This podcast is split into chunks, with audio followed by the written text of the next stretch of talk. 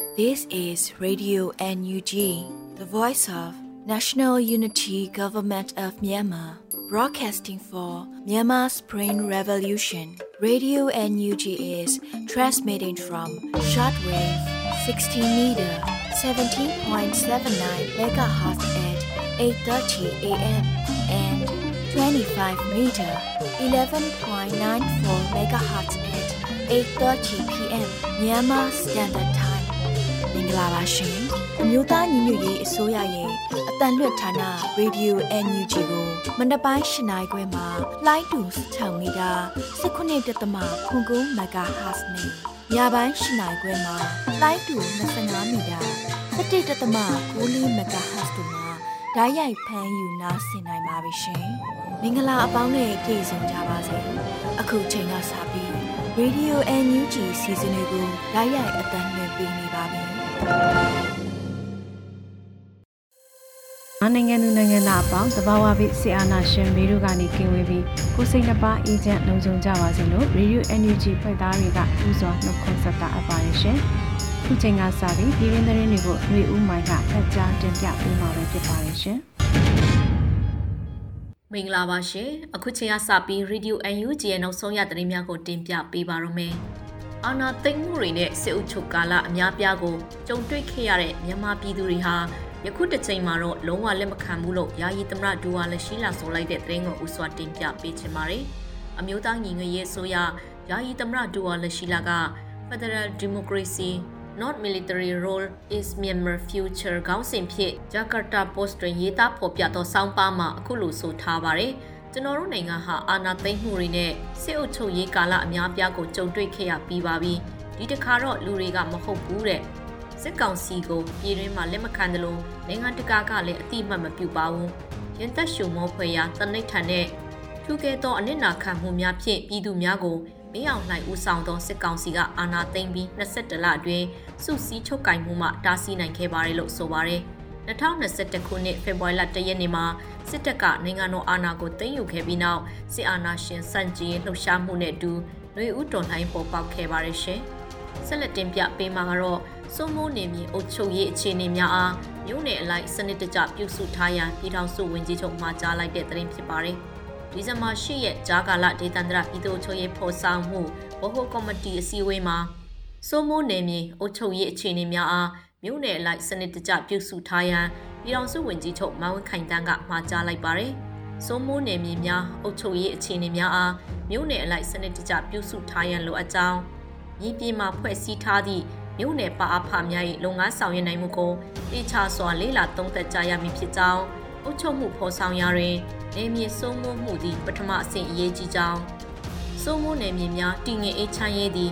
ဒုတိယအဆင့်ဖြစ်ကြောင်း နေမြေတည်ငြိမ်မှသာအုပ်ချုပ်ရေးရန်ရာကောင်းမွန်စွာလဲပတ်နိုင်မည်ဖြစ်ကြောင်းဝန်ကြီးချုပ်ကဆိုပါတယ်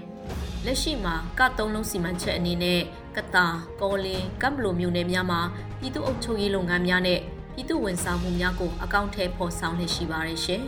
လူထုကိုအကြောက်တရားနဲ့ရရဆက်ဆက်အကြမ်းဖက်လာပြီးစကိုင်းတိုင်းနဲ့မကွေးတိုင်းရှိပြည်သူလူထုအများဆုံးခံစားနေရတယ်လို့ဆိုလိုက်တဲ့သတင်းကိုဆက်လက်တင်ပြပေးပါမယ်။အကြမ်းဖက်စစ်အုပ်စုက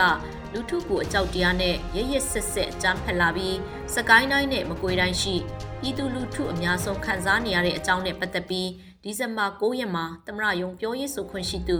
ဦးကျော်စောက Radio UNG ကိုအခုလိုပြောကြားခဲ့ပါတယ်။အကြမ်းဖက်စစ်ကောင်စီရဲ့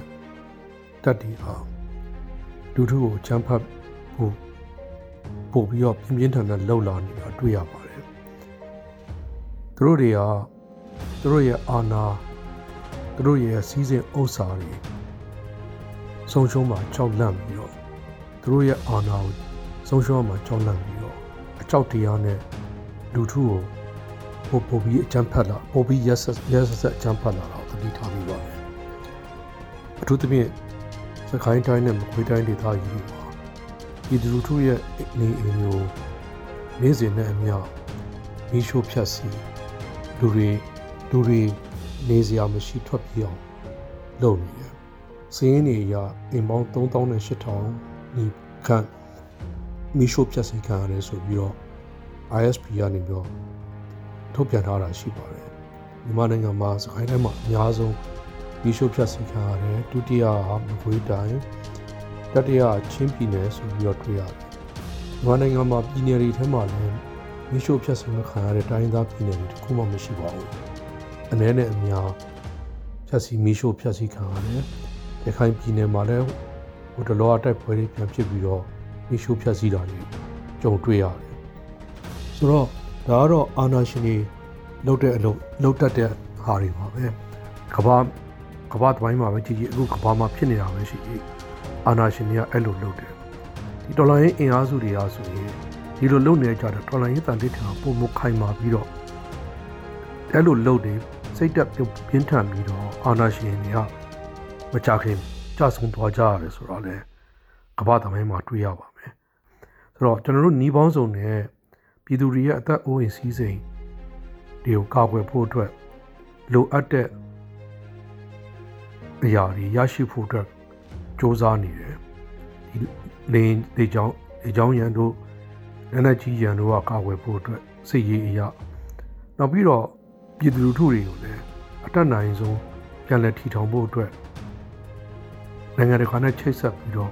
ကူညီပေးဖို့အတွက်ဆောင်ရွက်နေတယ်တော်လှန်နိုင်ပြီးအောင်တော်လှန်ရေးအောင်မြင်ပြီးတဲ့အခါမှာဒီဒုက္ခတွေကကင်းဝေးမှာဖြစ်ပါတယ်ဒါကြောင့်အဲဒီတော်လှန်ရေးအများဆုံးအောင်မြင်ဖို့အတွက်မဟာဗျူဟာချပြီးတော့လည်းစူးစမ်းဆောင်ရွက်နေတယ်ရှိတယ်ဆိုတာပြောကြားချင်ပါတယ်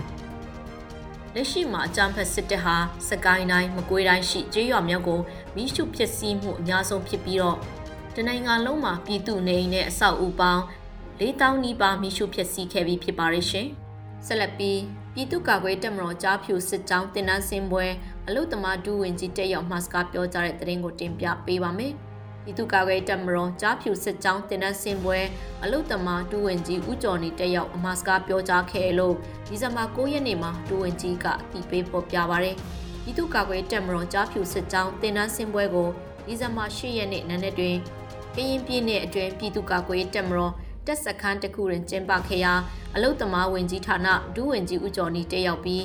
တင်နန်းစင်ရဲပေါ်များအားအားပေးစကားပြောကြားခဲ့လို့ဆိုထားပါရယ်ကြားဖြူစစ်ကြောင်းဟာစစ်အာဏာရှင်စနစ်ကိုခုခံတော်လှန်နေတဲ့တော်လှန်ရေးအင်အားစုတည်းလည်းဖြစ်ပါတယ်ရှင်။ဆက်လက်ပြီးမြန်မာမှာအမေရိကန်တပ်အမတ်မထားတော့ရန်ဆုံးဖြတ်ထားတဲ့သတင်းကိုတင်ဆက်ပေးပါမယ်။မြန်မာမှာအမေရိကန်တပ်အမတ်မထားတော့ရန်ဆုံးဖြတ်လိုက်ကြောင်းနဲ့အမေရိကန်နိုင်ငံကမြန်မာနိုင်ငံနဲ့ တန်တမာစစ်ဆိုင်ရင်အဆင့်လျှော့ချသွားမယ်လို့နီကေအေရှာကအမေရိကန်နိုင်ငံချိုင်းဝင်ကြီးဌာနမှပြောရေးဆိုခွင့်ရှိသူတူကိုကိုကာပြီးဖော်ပြပါရယ်။လက်ရှိအမေရိကန်တမ်မတ် Thomas Vitter ဒီလနောက်ပိုင်းမှာနှစ်ရက်ပြန်มาဖြစ်ပြီးသူ့နေရာဆက်ခံသူကိုမစေးလွှတ်ဖို့ဝါရှင်တန်ကဆုံးဖြတ်ခဲ့တာဖြစ်ပါတယ်။တမ်မတ်ကြီး Thomas Vitter နေရက်ပြန်ချိန်မှာရန်ကုန်မြို့ရှိ American Mission ဒုတိယအကြီးအကဲဒီဘောရာလင်းကတန်ယုံယာယီတာဝန်ခံဖြစ်တာဝန်ထမ်းဆောင်မယ်လို့သတင်းရရှိပါရယ်။ ပြီးခဲ့တဲ့နှစ်ဖေဖော်ဝါရီလအာဏာသိမ်းမှုကြောင့်အမေရိကန်ကမြန်မာနဲ့တန်တမာဆက်ဆံရေးအဆင့်လျှော့ချခဲ့တာဖြစ်ပါတယ်ရှင်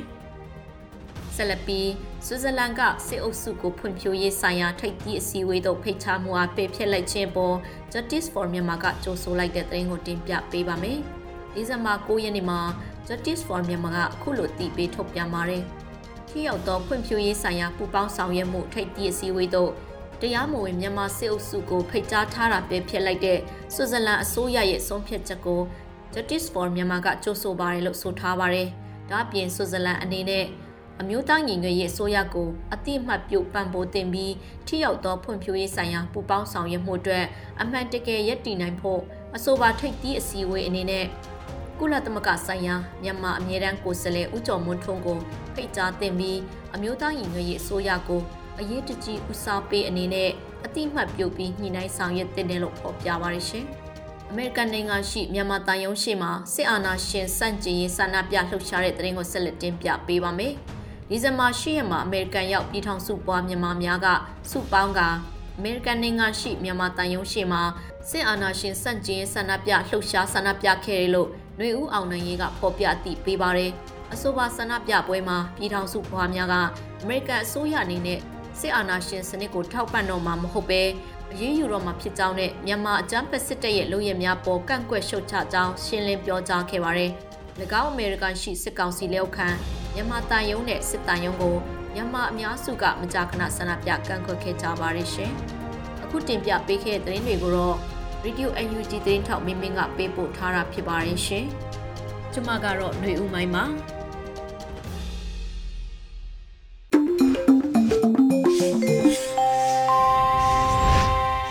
ဆက်လက်ပြီးနားဆင်ကြရမှာကတော့မိုးခတင်ဆက်ပေးထားတဲ့ CDM တို့ရဲ့အတန်နဲ့အာမန်အပိုင်း28ပဲဖြစ်ပါတယ်ရှင်။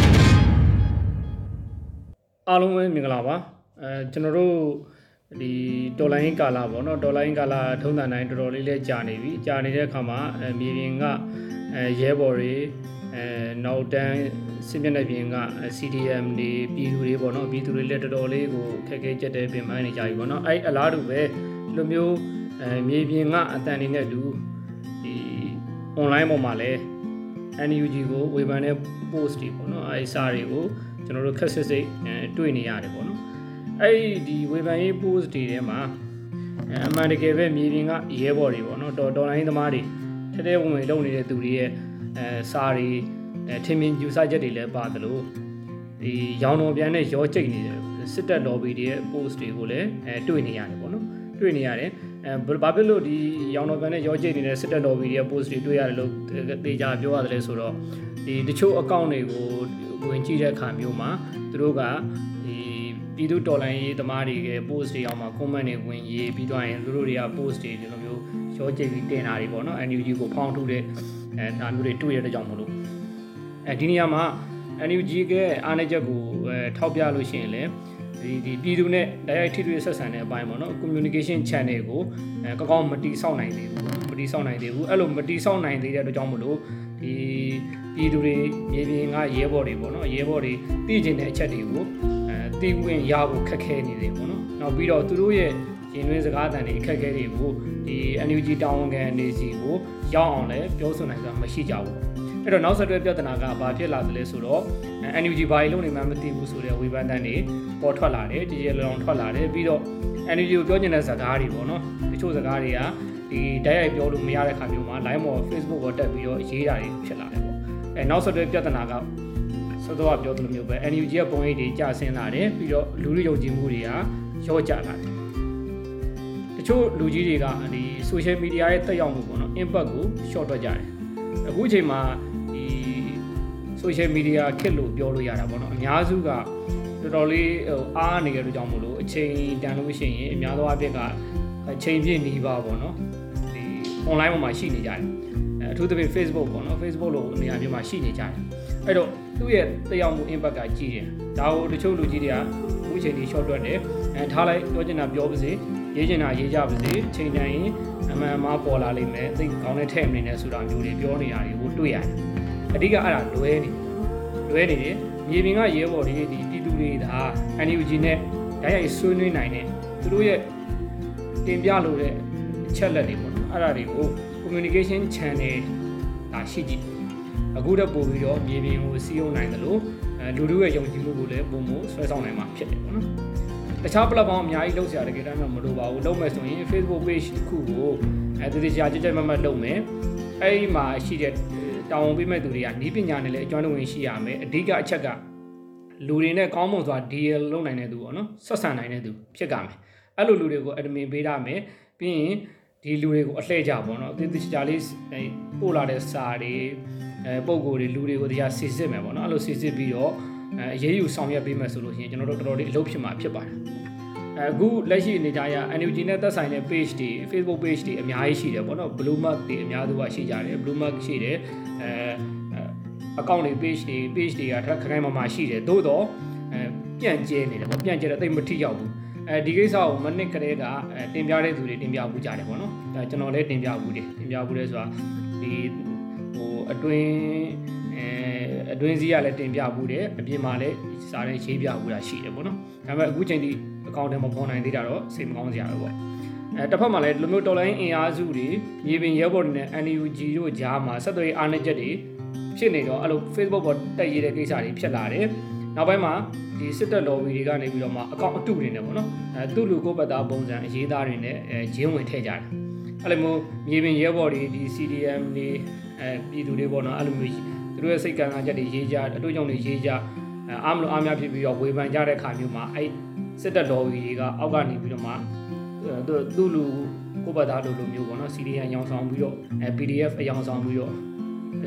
တော်လိုင်းပြည်သူအယောင်ဆောင်ပြီးတော့သူတို့ကပပလေးဝင်ပုတ်ကြတာမတိမတာဂျင်းတဲ့ကြတာတွေဖြစ်လာတယ်ပေါ့အဲ့လိုစာတွေ comment တွေကိုပြည်သူတွေကဖတ်ရတဲ့အခါမှာစိတ်တက်ကြလာတွေဖြစ်လာတယ်။စောင်းနေခက်ခဲလုံညုံရေးခက်ခဲတွေ ဂျားတဲ့ကနေတော်လန်နေရပါတယ်ဆိုတာမှဒီလိုမျိုးစာတွေကိုမြင်ရတွေ့ရတဲ့အခါမှာအားပြက်ကုန်တယ်ပေါ့။ထူးသဖြင့်အလုံးလက်မဲ့ CDM တွေပို့ဆိုးတယ်။ဘာလို့ဆိုတော့လာကုန်တဲ့အခါမှာသူတို့ CDM တွေကဒီအခက်ခဲပေါင်းစုံကိုရင်ဆိုင်နေရတာလာကုန်ရင်သူများတွေဒီနန်း CDM တွေတခြားသူတွေလာစာရတဲ့အချိန်မှာသူတို့လာစာမရဘူးပေါ့နော်။လာစာမရဘူးဒါပေမဲ့အိမ်လာကနဲ့နောက်လာစားဖို့ဆိုတာကပူပန်နေကြရတာပေါ့ NUG ဘက်ကလည်းဒီကိစ္စကိုအလေးနက်ထားဖြည့်ရှင်းပေးဖို့လိုလိုတယ်ပေါ့နော်။ နောက်ပြီးတော့ပြည်သူအစိုးရကပြည်သူတယောက်ချင်းစီတိုင်းကိုအလေးနက်ထားဖို့လိုတယ်။မြေပြင်ကရဲဘော်တယောက်ချင်းစီတိုင်းကိုလည်းတန်ဖိုးထားဖို့လိုတယ်ပေါ့။အဲချင်းရော NUG ရဲ့ချင်းရောကွန်မန်းအောက်မှာရှိမှဆိုတာမျိုးထက်ဒီရဲဘော်ကပြည်သူကိုကာကွယ်နေသလားအတိုင်းပြည်ကိုကယ်တင်နေသလားဆိုတာအဲသိဖို့လိုတယ်ပေါ့အဲ့လိုမျိုးပြည်သူကိုကာကွယ်နေတဲ့အဖွဲ့တိုင်းပြည်ကိုကယ်တင်နေတဲ့အဖွဲ့ဆိုလို့ရှိရင်ပြည်သူရဲဘော်လိုပဲတတ်မှတ်ကြမယ်အဲ့လိုရဲဘော်တွေကိုလည်းတန်ဖိုးထားမယ်ပေါ့နော်နောက် CDM တွေ CDM တွေဆိုလို့ရှိရင်လည်း NUG နဲ့အချိတ်ဆက်ရှိမှာမဟုတ်ဘူး NUG မှာတာဝန်ထမ်းဆောင်မှာမဟုတ်ဘူး ဘယ် CDM မဆိုတန်ဖိုးထားရမယ်ပေါ့နော်အလေးနဲ့ထားရမယ်တနင်္ဂနွေထောက်ပံ့ပေးဖို့ပြင်ဆင်ရမယ်ပေါ့နော်ဒီလိုမျိုးရေပြင်ကရဲဘော်တွေတစ်ဖက်မှာလည်းရေပြင်ကရဲဘော်တွေဒေါ်လာအင်အားစုတွေအထူးသဖြင့်လူသိများတဲ့ဆယ်လီတွေ influencer တွေကိုလည်းမြစ်တာချက်ခံနေတာလေးရှိတယ်ပေါ့နော်အဲ NUG မှာလိုအပ်ချက်တွေအားနည်းချက်တွေရှိတာမှန်ပါတယ်အဲနိုင်ငံရေးခံယူချက်မရှိဘဲနဲ့လိုအုပ်ရောကြောက်ရောနဲ့အဲရွေးကောက်ခံဆိုပြီးတော့အဲနိုင်ငံရေးအကျိုးမြတ်ကိုပဲသိတဲ့စုံပြူတွေ ဒီ NUG ဆိုတဲ့အဖွဲ့အစည်းမှာရှိနေရတယ်အားလုံးသိကြတယ်ဒါမဲ့စိတ်ရင်းစေတနာကောင်းကောင်းနဲ့တော်လိုင်းရေးအမြင်မြန်အောင်ဖို့ဆိုပြီးတော့အာသွန်ခွန်ဆိုင်လုပ်နေတဲ့သူတွေလည်းအများကြီးရှိတယ်ပေါ့နော်အဲ့ဒါလေးကိုသိသိချင်းတယ်ဒါကြောင့်မလို့ဝေဖန်တဲ့အခါမှာအပြုသဘောဆောင်ပြီးဝေဖန်ပေးကြဖို့နဲ့အဲစစ်တပ် lobby တွေကနေပြီးတော့မှဂျားလက်ကောင်ကသွေးခွဲတာတွေကိုတတိထားပေးကြဖို့မြစ်တာရက်ခံနေတယ်ပေါ့နော်ဒီမှာဒီတော်လိုင်းရေးကပြည်သူရဲ့တော်လိုင်းရေးအင်အားစုရဲ့ NUG ရေပေါ့နော်ဒီလိုမျိုးအဲတောက်တိုင်၃ခုကအဆင်ပြေညီညွတ်မှာပဲ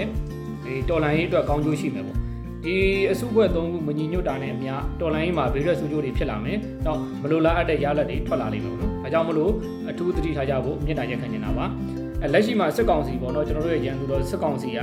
ခြေတံလုံလုံလေးနဲ့သူတို့လုံးကြရှိတာကိုလုပ်နေတယ်။အဲ online ပေါ်မှာဒီသတင်းစာရှင်းလင်းပွဲတွေမှာကြည့်လိုက်ရင်ဟိုငပေါ်ကြီးလိုမျိုးထင်ရတယ်ပေါ့နော်။အဲဘာကြီးရှောက်ပြမှမသိဘူးထင်ရတယ်။ဒါပေမဲ့သူတို့ကလာမဲ့ဒီ2023ဩဂုတ်လမှာ အဲရွေးကောက်ပွဲကျင်းပဖို့ကိုသူတို့တေချာလုပ်နေတယ်အဲဒီ ER တွေပေါ့နော်တိုင်းသားလက်နက်ကိုင်တွေနဲ့လည်းအဲဒီတိုးတိုးတစ်မျိုးချစ်ချစ်တစ်မျိုး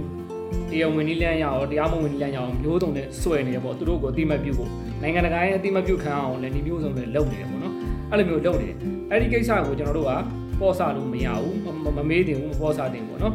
အဲ2010ရွေးကောက်ပွဲတုန်းကလည်းအစပိုင်းမှာနိုင်ငံတကာကအတိမတ်ပြုခဲ့တာမျိုးမဟုတ်ဘူးပေါ့နော်ဒါပေမဲ့ အဲ့စစ်တပ်ကနေပြီးတော့မှသူတို့ကိုကူညီတဲ့အနှဲငယ်လူအဲ့နိုင်ငံအနှဲငယ်ပေါ့နော်အင်အားစုအနှဲငယ်လေးနဲ့ပဲသူတို့လိုချင်တာကိုရအောင်လုပ်သွားတယ်နောက်ပိုင်းမှာ2010ရွေးကောက်ပွဲဟာလည်းနိုင်ငံတကာအတိမတ်ပြုသလိုဖြစ်သွားတယ်ပေါ့နော်အခုလည်းပြည်သူတွေတော်လိုင်းအင်အားစုတွေကိုအဲကိုလောက်ကမဲ့အလုပ်ကိုအဲနေမျိုးစုံနဲ့အဲစူးစမ်းပေးကြဖို့ပေါ့နော်စစ်ကောင်စီဘက်ကအာရုံလွတ်တဲ့နောက်ကိုမလိုက်ဖို့မြေတားရက်ခံနေတာပြည်သူနဲ့ဒီ NUG ကြားတော်လိုင်းအင်အားစုတွေကြားမှာအကြောင်းထောက်အောင် အဲသွေးကွက်အောင်လုပ်နေတာတွေကိုတတိထားကြဖို့မြေတားရက်ခံနေတယ်ကျွန်တော်တို့အချင်းချင်းမသိမမြတ်ဖြစ်နေကြတဲ့ချိန်မှာဘုံရန်သူကိုမျက်ရှိမပြတ်တော့မပြတ်ဖို့အရေးကြီးတယ်ပေါ့နော်အားလုံးပဲအဲကိုယ့်ရဲ့တောင်းကိုမလဟင်းဖို့မြေတားရက်ခံနေတယ်အရေးတော့ဘုံမုတ်ချအောင်ရမည်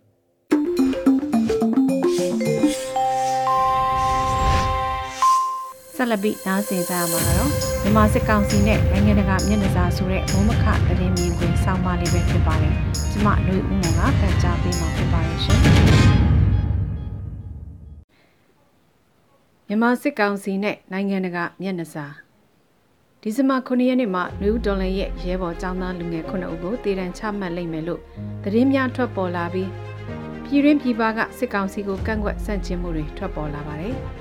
နွေမာဆက်ခွန်ကထုတ်ပြန်ခဲ့တဲ့လူငင်းချမ်းသာနဲ့နိုင်ငံရေးအကျဉ်းသားရာကနန်းကိုလွှတ်ပေးပြီးစစ်ကောင်စီရဲ့ပုံရိပ်ကတိုးတက်လာရမယ့်အစားပိုပြီးနှိမ့်ကျလာတယ်လို့ဆိုကြပါတယ်။လူမြောက်လာတဲ့ဩစတြေးလျနိုင်ငံသားရှောင်းတန်တဲ့ကိုယ်တိုင်ကမြန်မာပြည်သူတွေများစွာဆင်းရဲဒုက္ခရောက်နေကြတယ်။စစ်ကောင်စီဟာအလွန်ဆိုးဝါးတဲ့အာဏာရှင်ဖြစ်တယ်လို့ထုတ်ဖော်ပြောဆိုလိုက်မှုကလည်းနိုင်ငံတကာနားတွေကိုတိုက်ရိုက်ဝင်ရောက်သွားမှာဖြစ်ပါတယ်။မြန်မာနိုင်ငံဆိုင်ရာအာဆီယံအထူးတန်တမန်ရဲ့တတိယခီးစဉ်ဖြစ် မြန်မာပြည်ကိုသွားဖို့အစီအစဉ်ကိုလည်းကမ္ဘောဒီးယားနိုင်ငံသားရေးဝန်ကြီးပရက်ဆော့ခွန်ကဖျက်သိမ်းလိုက်ပါတယ်။ဘရက်ဆယ်မှာဒီဇင်ဘာလ14ရက်နေ့မှာကျင်းပမယ်အာဆီယံ EU ထိပ်မှတ်ထိပ်သည့်အစည်းအဝေးကိုတက်ရမှာမို့လို့အကြောင်းပြပေးမယ်မြန်မာစစ်ကောင်စီရဲ့အကြမ်းဖက်မှုတွေတပ်ဖြတ်မှုတွေခုထိမထိန်သိမ်းနိုင်သေးတာကြောင့်လို့ဆိုနိုင်ပါတယ်ဘရက်ဆယ်ထိပ်သည့်အစည်းအဝေးမှာမြန်မာပြည်ကိုစား NUG ကိုဖိတ်ကြားဖို့ဥရောပရောက်မြန်မာတွေကကမ်ပိန်းတွေလှုပ်ရှားမှုတွေမြင့်တင်နေကြခြင်းဖြစ်ပါတယ် ဥရောပဒေသမှာ energy ဝင်ကြီးတွေအနည်းဆုံးနှစ်ပါးကနေအထက်ခီးစဉ်တွေရှိနေတယ်လဲကြားနေရတော့ရုဆယ်ညီလာခံမှာ energy ဘက်ကအလို့သဘောလာရောက်မဲ့သဘောလို့စဉ်းစားနိုင်ပါတယ်။ဆွစ်ဇာလန်နိုင်ငံမှာကျင်းပမယ်။ဖွံ့ဖြိုးတိုးတက်မှုပူးပေါင်းဆောင်ရွက်ရေးထိပ်သီးအစည်းအဝေးစစ်ကောင်စီကမဖိတ်ထားဘူးလို့ကြေညာလိုက်ပါတယ်။ဒီဇင်ဘာ9ရက်နေ့မှာဆွစ်ဇာလန်တန်ယုံရန်ကုန်ကအစည်းအဝေးနဲ့ပတ်သက်ပြီးမြန်မာနိုင်ငံကိုဖိတ်ကြားထားတာမရှိဘူးလို့တရားဝင်အသိပေးဆိုပါတယ်။ ဒီဇင်ဘာလ12ရက်နေ့ကနေ14ရက်နေ့အထိဆွစ်ဇာလန်နိုင်ငံဂျနီဗာမြို့မှာကျင်းပမယ့်ဖွံ့ဖြိုးတိုးတက်မှုပူးပေါင်းဆောင်ရွက်ရေးထိပ်သီးအစည်းအဝေးမှာစစ်ကောင်စီကိုဖိတ်ကြားထားတယ်လို့သတင်းထွက်ပေါ်ပြီးတဲ့နောက်ကြေညာချက်ထုတ်ပြန်ခဲ့တာဖြစ်ပါတယ်။အဲ့ဒီချိန်နဲ့တပြိုင်နက်တည်းမှာပဲ American Outlook က American စီးရေးဘတ်ဂျက် NDA ကိုအတည်ပြုကြောင်းထုတ်ပြန်နေစီမှာမြမအရေးကိုအထောက်အကူပေးမဲ့ဘာမှ Atlet အကျုံးဝင်ကြောင်းသတင်းတွေထုတ်ပြန်ခဲ့ပါတယ်။ American နိုင်ငံက National Defense Authorization Act 2023 NDAA ယခုနှစ်ကမြမပြည်အတွက်ထောက်ပံ့ပို့ပေးဖို့ထည့်သွင်းရေးသားထားတယ်လို့ဒီဇင်ဘာ10ရက်နေ့မှာပြည်ထောင်စုဝန်ကြီးဦးထင်လင်းအောင်ကအသိပေးဆိုပါတယ်။ဒီချိန်နဲ့လိုလိုမှာပဲအမေရိကန်နိုင်ငံကမြန်မာနိုင်ငံနဲ့တန်တမန်ဆက်ဆံရေးအဆင့်လျှော့ချသွားမယ်လို့နီဂီအေရှားကအမေရိကန်နိုင်ငံသားဝန်ကြီးဌာနမှပြောရေးဆိုခွင့်ရှိသူတို့ကိုကိုးကားပြီးဖော်ပြပါတယ်။ နိုဝင်ဘာ10ရက်နေ့ကလေးကသတင်းတွေထွက်ပေါ်လာနေတာဖြစ်ပြီးသတင်းဌာနတွေကထုတ်ပြန်ရေးသားလာကြပါတယ်။အင်္ဂလန်တန်တမန်ဆက်ဆံရေးကစစ်ကောင်စီနဲ့မြန်မာနိုင်ငံကလေးကအကန့်အသတ်နဲ့ဆက်ဆံနေတာဖြစ်ပြီးယခု2020နှစ်ကုန်မှာအမေရိကန်တန်ဆက်ဆန်ရေးကလည်းအဆင့်တစ်ဆင့်ကျသွားတာကိုတွေ့ရှိရပါတယ်။စစ်ကောင်စီရဲ့လက်ချက်ကြောင့်စစ်တမ်းသစ်နေရာတွေကိုကူညီဖို့ကုလသမဂ္ဂရဲ့စားနပ်ရိက္ခာကူညီမှုတွေတိုးမြင့်ပြီးထိရောက်အောင်ပို့ဆောင်မှုလှုံ့ဆော်ကြမယ်အကြောင်းသတင်းတွေကဆိုပါတယ်။စားနပ်ရိက္ခာမဖူလုံမှု ပြက်လက်မှုတွေကြုံတွေ့နေရတဲ့မြန်မာနိုင်ငံအတွက်လူသားချင်းစာနာထောက်ထားမှုဆိုင်ရာအကူအညီတွေပေးအပ်ဖို့ဥရောပသမဂ္ဂထံကယူငွေ6သန်းခွဲလက်ခံရရှိတယ်လို့ကမ္ဘာစားနပ်ရိက္ခာဖွဲ့ WFP ကဗုဒ္ဓဟူးနေ့မှာပြောပါတယ်။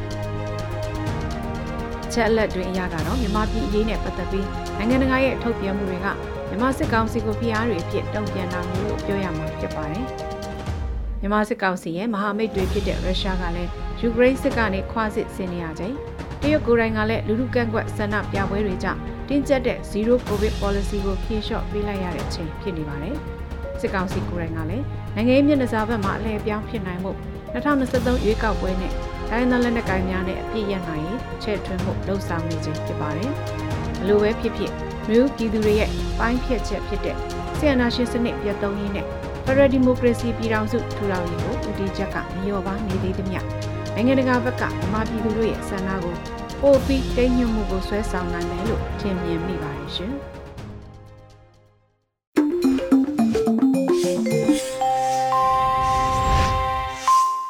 နောက်ထပ်နားဆင်ကြရမယ့်တော်လိုင်းအမှုပညာကဏ္ဍမှာတော့တန့်ဝေကျော်ရဲ့ဖြစ်ချောင်းကုံစစ်ညတခွင်အပိုင်း20ခုကိုနားဆင်ကြရပါမယ်ရှင်အညာမင်းဆိုတဲ့သင်္ဘောကြီးဟာ နှလုံးသားနဲ့ရောအုံနှောင်းနဲ့ပါတက်အစွမ်းကုန်ဖွင့်ရွက်အစွမ်းကုန်လွှင့်လို့မုံတိုင်းကြမ်းကြမ်းလှိုင်းထန်ထန်တွေကနေတော်လှန်ရေးခရီးကိုမငီးမညူမောင်းနေနေကြပါတော့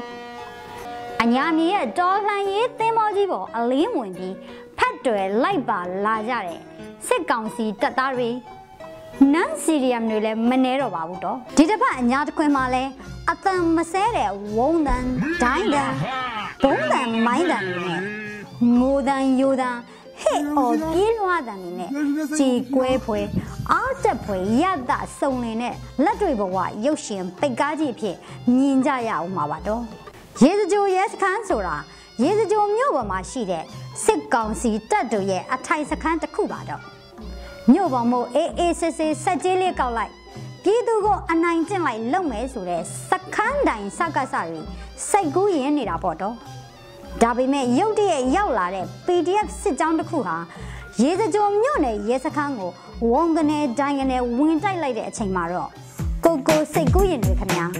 ကိုကိုစိတ်ကူး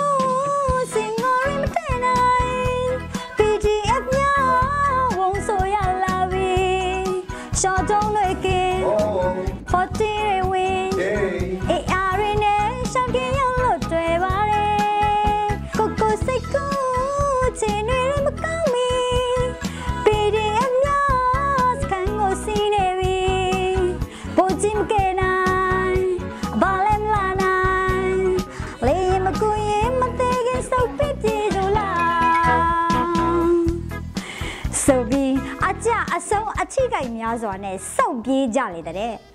ပြည်သူမဟာမိတ်တပ်ဖွဲ့တွေကတော့အချိအခိုက်မရှိပြန်လဲဆုတ်ခွာနိုင်ခဲ့ပါတဲ့စစ်ကောင်စီဘက်ကအရာရှိပါဝင်တော်တော်များများစမုံတုံးကုန်တာရုပ်ကလတ်တောင်အခုထိလားမကောက်ရကြသေးဘူးဆိုပဲတော့ဂဲပဲဂဲပဲရေစကြိုမြို့ထဲတင်လားဆိုတော့လေမဟုတ်ပြီးခဲ့တဲ့ဒီဇင်ဘာ9ရက်နေ့ကလည်းမုံရွာမြို့ပေါ်နတ်လူထိပ်ပန်ရက်ကွက်က စကားစာဂိတ်ကို PDF ကဝင်းစော်လိုက်ပြန်มาရောလားဂိတ်ဖွင့်စစ်ဆေးတယ်လို့ ਨੇ ပြည်သူကိုအနိုင်ကျင့်အမျိုးသမီးတွေကိုထိပါစော်ကားနေတဲ့စကားစာတက်တွေကိုပြည်သူတပ်ပေါင်းစုတွေကရုတ်တရက်ဝင်ပြစ်ရမှာစကားစာတက်သား6ဦးထိခိုက်တေဆုံးခဲ့ပါတော့ပြည်သူကာဝရေးတပ်ဖွဲ့ဝင်တဦးလဲနိုင်ငံအတွက်အသက်ပေးဆက်ကြဆုံးခဲ့ရပါတယ် ဒါအပြင်စစ်ကောင်စီတပ်တွေရဲ့ရန်တမ်းပစ်ခတ်မှုကြောင့်ပြည်သူနှစ်ဦးလည်းထိခိုက်ဒေဆုံးခဲ့ရပါတယ်။ထိကြိုင်ဗမောက်ကတာပင်လယ်ဘူးနဲ့ပလဲရင်းမပင်စလင်းကြီးတို့မှာလည်းမြို့ပေါ်တိုက်ပွဲတွေခတ်စိတ်စိတ်ဖြစ်ပေါ်နေပါပြီ။မြို့ပေါ်တိုက်ပွဲတွေဟာအချိန်မရွေးဖြစ်လာနိုင်တာမို့တိုက်ပွဲကြညက်ပြီးတေဆုံးထိခိုက်မှုတွေမဖြစ်ရလေအောင်ပြည်သူလူလူကြီးအနေနဲ့လည်းစစ်ကောင်စီတပ်ဆွဲထားတဲ့နေရာတွေ ဂိတ်စခန်းတွေကိုခဝေးဝေးကရှောင်ကျင်ကြပါလို့ဗရိပေးတိုက်တွန်းလိုက်ပါတော့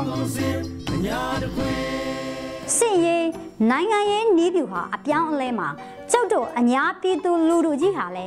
စစ်ကောင်စီရဲ့စိတ်သက်စစ်စင်ရေးမှာမျောပါမသွားပဲအမှန်ကိုအမှန်တိုင်းသိမြင်ဖို့လိုပါတယ်တော့စစ်တပ်ဟာစိတ်သက်စစ်စင်ရေးမှာအင်မတန်ကောင်းတာမို့ stop home syndrome လိုပဲဖြက်စီးပြီးမှပြန်ကယ်တင်တာမျိုးဒုက္ခပေးပြီးမှကောင်းပြတာမျိုးလုပ်ပြီးပြည်သူကိုစီးယုံနေပါတယ်ခဏတာချိုတာမှုကိုအဟောက်ထင်သွားလို့ကတော့ဘဝအဆက်ဆက်စစ်ကြုံခံရတော့မှာမို့အညာပြည်သူလူထုအနေနဲ့တော်လှန်ရေးအသည့်တော်လှန်ရေးသတိနဲ့စစ်ကောင်စီတပ်တွေကိုအတက်နိုင်ဆုံးမထိတွေ့မဆက်ဆံမဲ့နေဖို့လိုပါတော့နောက်ပြီးစစ်တပ်ကိုပြစ်ရင်အနာကပြည်သူကိုပြစ်မယ်အနာကရွာတွေရက်ွက်တွေကိုဒုက္ခပေးမယ် အဲ့ဒါ PDF တွေကြောင့်ဖြစ်ရတာဆိုတော့စိတ်သက်စစ်စင်ရေးကလည်းသတိထားစရာပါတော့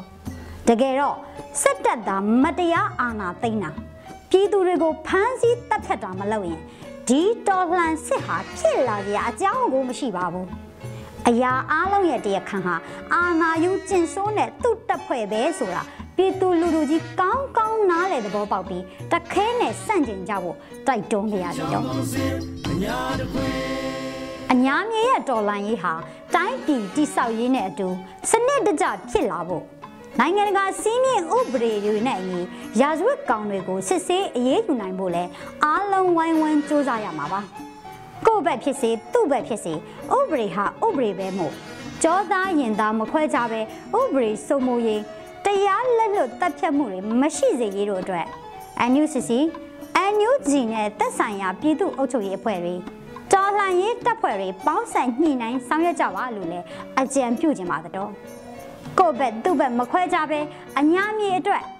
တို့တိုင်းပြည်တို့ပြည်အတွက်ဆိုတဲ့စိတ်နဲ့အားလုံးပါဝင်တဲ့ညာဖက်ဒရယ်ပေါင်းဆိုင်ညှိနှိုင်းရေးအတိုင်းမင်းကန်ပလက်ဖောင်းကြီးကိုဖွဲ့စည်းဖော်ဆောင်နိုင်ဖို့အညာဖက်ဒရယ်တပ်ပေါင်းစုကြီးကိုစုစည်းတည်ဆောက်နိုင်ဖို့ဝိုင်းဝန်းစ조사ကြရမှာကခမည်းတော်ကျုပ်တို့ရဲ့တာဝန်ပဲမဟုတ်ပါလားတော့ ဒီကနေ့ကတော့ဒီညနေပဲ Radio NUG ရဲ့အစီအစဉ်လေးကိုခေတ္တရ延လိုက်ပါမယ်ရှင်မြန်မာစံတော်ချိန်မနေ့၈နိုင်ခွဲနဲ့ည၈နိုင်ခွဲအချိန်တွေမှာပြောင်းလဲဆိုပြကြပါလို့ရှင် Radio NUG ကိုမနေ့ပိုင်း၈နိုင်ခွဲမှာလိုင်းတူ16မီတာ19.7ခုကူမဂါဟတ်နဲ့ညပိုင်း၈နိုင်ခွဲမှာလိုင်းတူ25မီတာ17.6မဂါဟတ်တို့မှာဓာတ်ရိုက်ဖမ်းယူ နားဆင်နိုင်ပါပြီရှင်။မြန်မာနိုင်ငံသူနိုင်ငံသားများကိုစိတ်နှဖျားစမ်းမချမ်းသာလို့ဘေးကင်းလုံခြုံကြပါစေလို့ Radio NUG ရဲ့ဖွဲ့သူဖွဲ့သားများကဆုတောင်းလိုက်ရပါတယ်။ San Francisco Bay Area အခြေဆိုင်မြန်မာမိသားစုများနိုင်ငံတကာကစေတနာရှင်များလို့အားပေးများရဲ့ Radio NUG ဖြစ်ပါတယ်ရှင်။အရေးတော်ပုံအောင်ရမည်